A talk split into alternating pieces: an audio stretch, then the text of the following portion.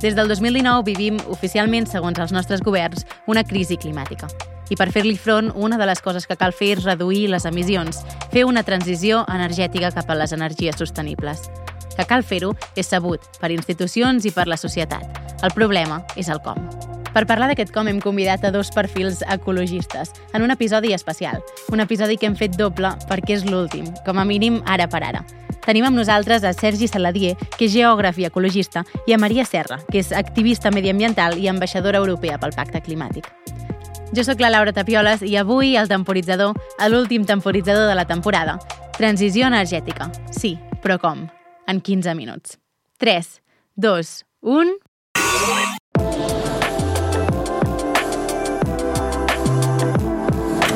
El Temporitzador, un podcast del setmanari El Temps.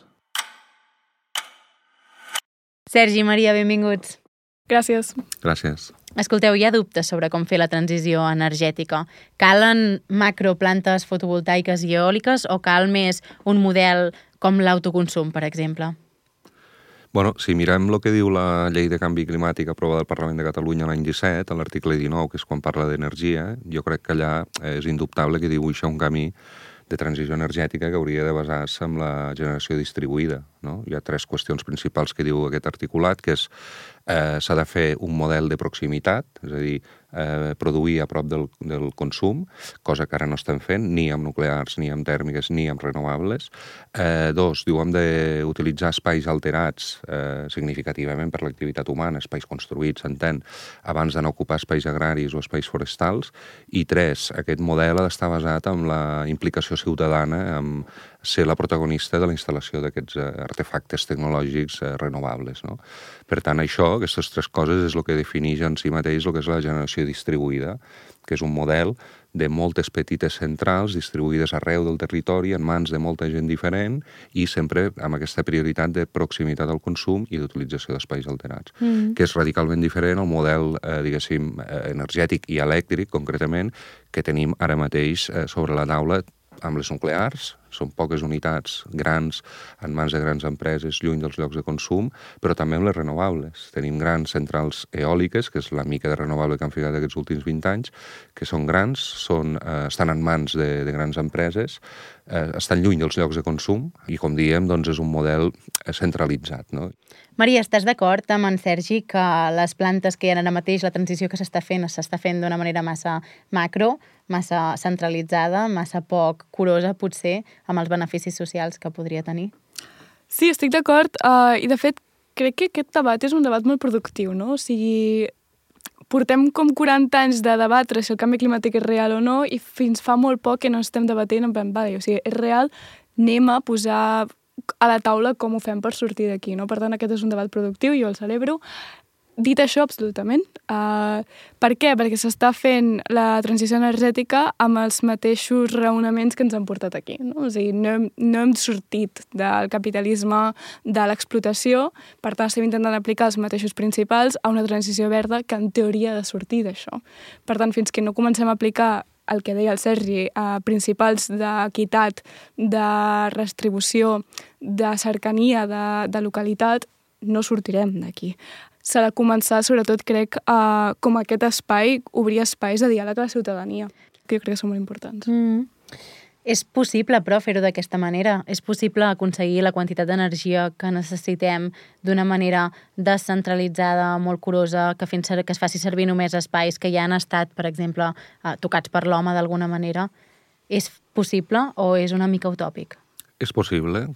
Per posar-vos només un parell d'exemples, un estudi que va fer l'àrea metropolitana de Barcelona l'any 2014 va determinar que utilitzant les taulades útils, les aptes, les que aguantarien, les que estan ben orientades, etc, de l'àrea metropolitana de Barcelona es podria arribar a cobrir un 40% de la demanda elèctrica d'aquell moment que és la mateixa pràcticament que la que tenim ara, perquè no hem crescut, sinó que hem, hem de crescut alguna no? Per tant, es continuen sent vigents aquests números. Això també es tenim en compte les taulades.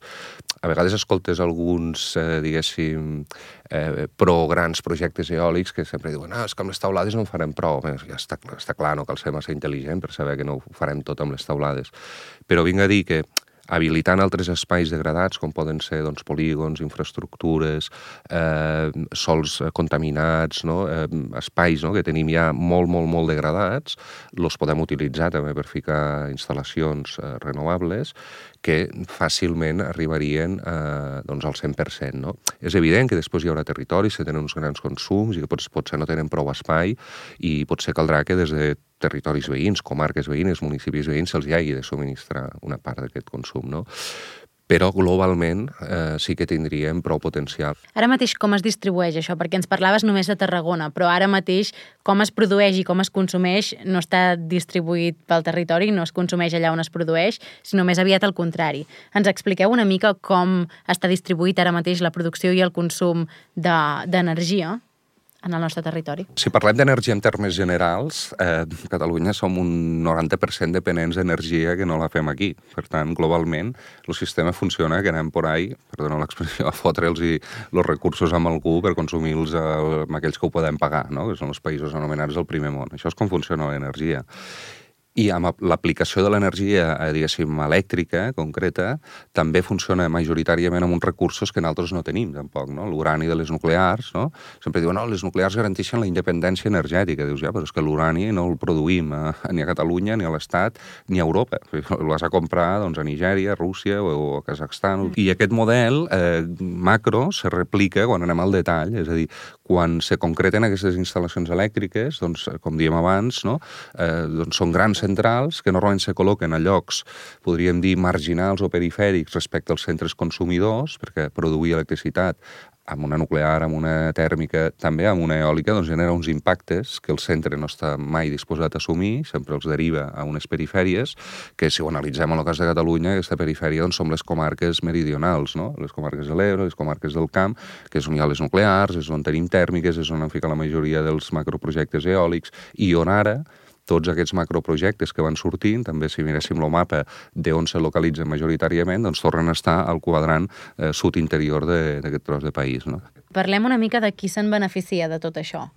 Uh, ara mateix hi ha, com comentàvem, doncs, algunes macroplantes, alguns espais d'energies renovables, però tenen un impacte positiu en els territoris on es troben aquestes plantes? Ara mateix no. Ara mateix no. Uh, la idea és que ho tinguin en un futur el que està passant és que la mateixa gent, les mateixes companyies que ens han posat en, aquest, no, en, en el canvi climàtic i en a més són les mateixes que estan ara redistribuint energia verda, no? Per tant, seguim en el mateix monopoli, seguim amb les mateixes dinàmiques que ens han portat aquí i ara mateix no es fa mirant a la població, es fa mirant a, pues, a treure'n profit, no? Uh, mai ens ha sortit bé només mirant uh, qualsevol cosa a treure'n profit. El canvi climàtic és un gran exemple d'això i fins que no hi posem una mica de, de seny i sobretot energia ciutadana, no? de decisió, això no serà diferent.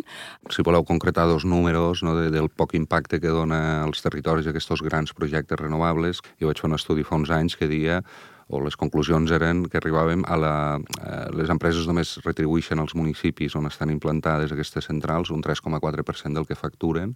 L'impacte laboral amb aquest estudi ens sortia que és pràcticament nul, és un impacte totalment marginal. Menys d'un 1% de la població ocupada d'aquests municipis acaba treballant amb aquestes instal·lacions. Mm -hmm. Tots, tots aquests problemes que fa 20 anys se'ls va dir, mira, si fiqueu molins, eh, el municipi doncs, deixarà de perdre població, es rejuvenirà, eh, serà més divers econòmicament, tindrà més oportunitats laborals, etc etc. doncs tot això no s'està complint. Per tant, uh mhm. -huh. aquest model macro és un fracàs. No? I, en canvi, el model de generació distribuïda és un model que permet no? que qualsevol ciutadà es beneficiï, no? si és protagonista de la instal·lació, que és el cas, per exemple, doncs, de l'autoconsum. No? L'autoconsum és una part de la generació distribuïda. No? A banda, hi hauria d'haver, crec, projectes comunitaris, doncs, alguns d'una certa entitat, no? eh, però no, no només amb l'autoconsum ho farem tot. No?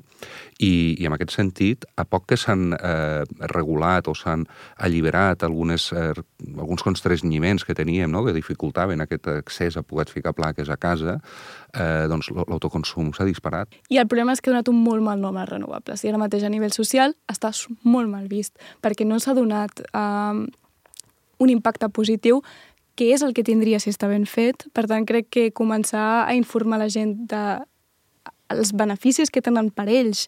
Fer-ho bé és molt important i treure aquest mal nom a les renovables i posar-lo en toca, que és a les grans empreses que estan fent aquestes barbaritats en nom dels renovables, és molt important. Mm. Parlem d'energia nuclear. Heu apuntat coses, Sergi. Més o menys despuntem quina és la teva opinió sobre, sobre aquest tipus d'energia. Um, ens, ens explicaves, per exemple, que no permet la independència energètica que segons com es promet. Maria, comencem per tu. Què en penses de l'energia nuclear? Perquè d'alguna manera ens genera prou com per ajudar a fer aquesta transició, però per l'altra suposa certs perills. Um, quina és la teva balança? No és neta. Uh, qualsevol persona que digui que és neta no ho és. Això dit, crec que o sigui, no és el dimoni, no? Uh, tenim dimonis molt més importants i molt més grans. Uh, jo sóc partidària de uh, posar-la per davant d'absolutament res, no? O sigui, és una solució, ara mateix és necessària, però que no sigui la nostra solució, o sigui, que no sigui el nostre Déu, no depenguem de nuclear, no? Uh, si hi ha qualsevol altra opció taulades, a edificis, sols que no s'estan utilitzant, sempre posem sempre per davant això. Això dit, crec que treure-la fora de debats, a no debatre-la o que sigui també posada com a un dimoni no ajuda absolutament ningú, no? Anem a sentar-nos i a parlar-ho bé, però eh, o sigui, des del món ecologista ens costa molt dir que, que, que sí que endavant, perquè al final no és net. Mm, jo l'únic que puc afegir és que l'energia nuclear no és cap mena de solució. De fet, avui en dia, a nivell mundial, és una energia totalment marginal, només representa entre un 3 i un 5% de tota l'energia que es consumeix al món és d'origen nuclear, per tant, si imprescindíssim no passaria absolutament res. Això no vol dir que en determinats casos siguin altament dependents, com França, fins i tot diria l'estat espanyol, on a França és un 60-70% de, tot, de tota la producció elèctrica, en el cas de l'estat espanyol és un 20-25%. Penseu que les nuclears que tenim a, a nivell de Catalunya ja estan eh, entre els 35 i a més aviat de cara als 40 anys de vida, quan 40 anys s'ha considerat sempre com, eh, pels optimistes de la nuclear fins i tot, com los, la data límit no, d'utilització d'una nuclear, més enllà d'aquí és un risc. Només per canviar tot aquest parc nuclear absolutament envellit que tenim hauria de passar això, i això no està passant. Si no s'estan començant dos reactors cada mes, la construcció eh, de dos reactors cada mes ja, eh, i durant 20 anys no hi ha sobre la taula tots aquests projectes per fer. Mm -hmm. Per tant, ja mos ve a dir que la solució eh, nuclear no, no, servirà, o sigui, no, no eixirà aquesta solució no eixirà. En alguns casos podrà tapar algun forat, eh, algun farà alguna, Xina n'està fent algunes, però a nivell europeu no n'està fent ningú cap, pràcticament. Parlem d'un nou personatge que ha entrat a l'escena últimament, que és l'hidrogen. De fet, fa res, Europa acaba de posar com a prioritat l'H2Met, la construcció d'aquest canal per distribuir hidrogen arreu de, bueno, venint des de la península ibèrica. Expliqueu-nos què és ben bé l'hidrogen verd i, i pot ser positiu, pot ser una cosa interessant per la transició energètica, és una cosa minoritària? A veure, l'hidrogen és un vector energètic, vull dir, no, per si mateix no és ni una font, no? l'has de fabricar, per tant, has de consumir algun recurs energètic com a tal per produir aquest hidrogen. Estar d'hidrogen ja se n'ha utilitzat, l'únic que per produir-lo doncs, s'utilitzava majoritàriament doncs, gas natural i per tant doncs, això es considerava un hidrogen gris o marró o el color que fos, uh -huh. i ara es parla d'hidrogen verd perquè doncs, diuen que aquest nou hidrogen que farem servir doncs, serà majoritàriament produït o elaborat amb fonts renovables. No? Això seria la descripció del que és l'hidrogen verd d'una forma ràpida.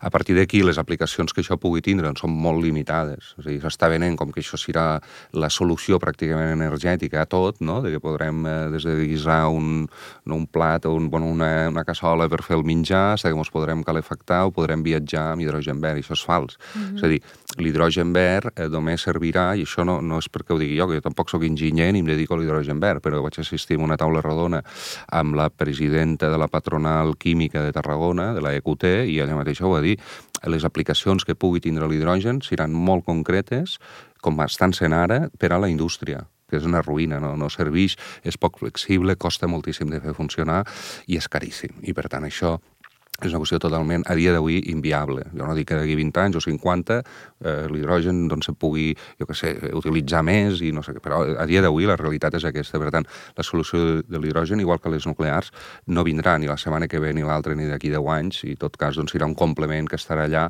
però que no eh, s'ha d'explicar ni s'ha de vendre a la societat que l'hidrogen verd és la solució a tot, perquè no ho és, ni ho serà a curt mm. termini. Existeix una, una branca dintre del negacionisme climàtic que li diem els, opti els tecnooptimistes, o sigui, gent que veu la tecnologia com si fos un déu que ens salvarà a tots, no? i no ens hem de preocupar perquè ens salvarà la tecnologia.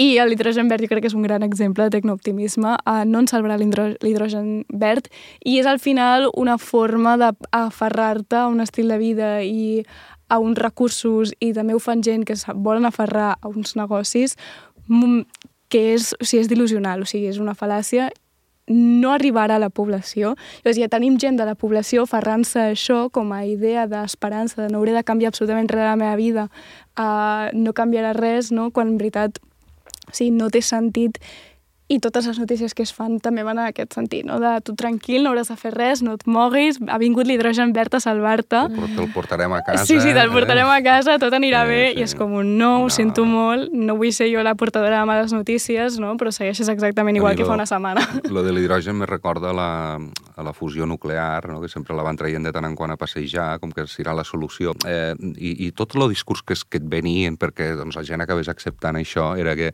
això és la solució energètica a tot, no? Perquè farem Tot. energia de forma il·limitada, perquè reproduirem el sol a la Terra i bueno, no sé quantes patranyes més. No?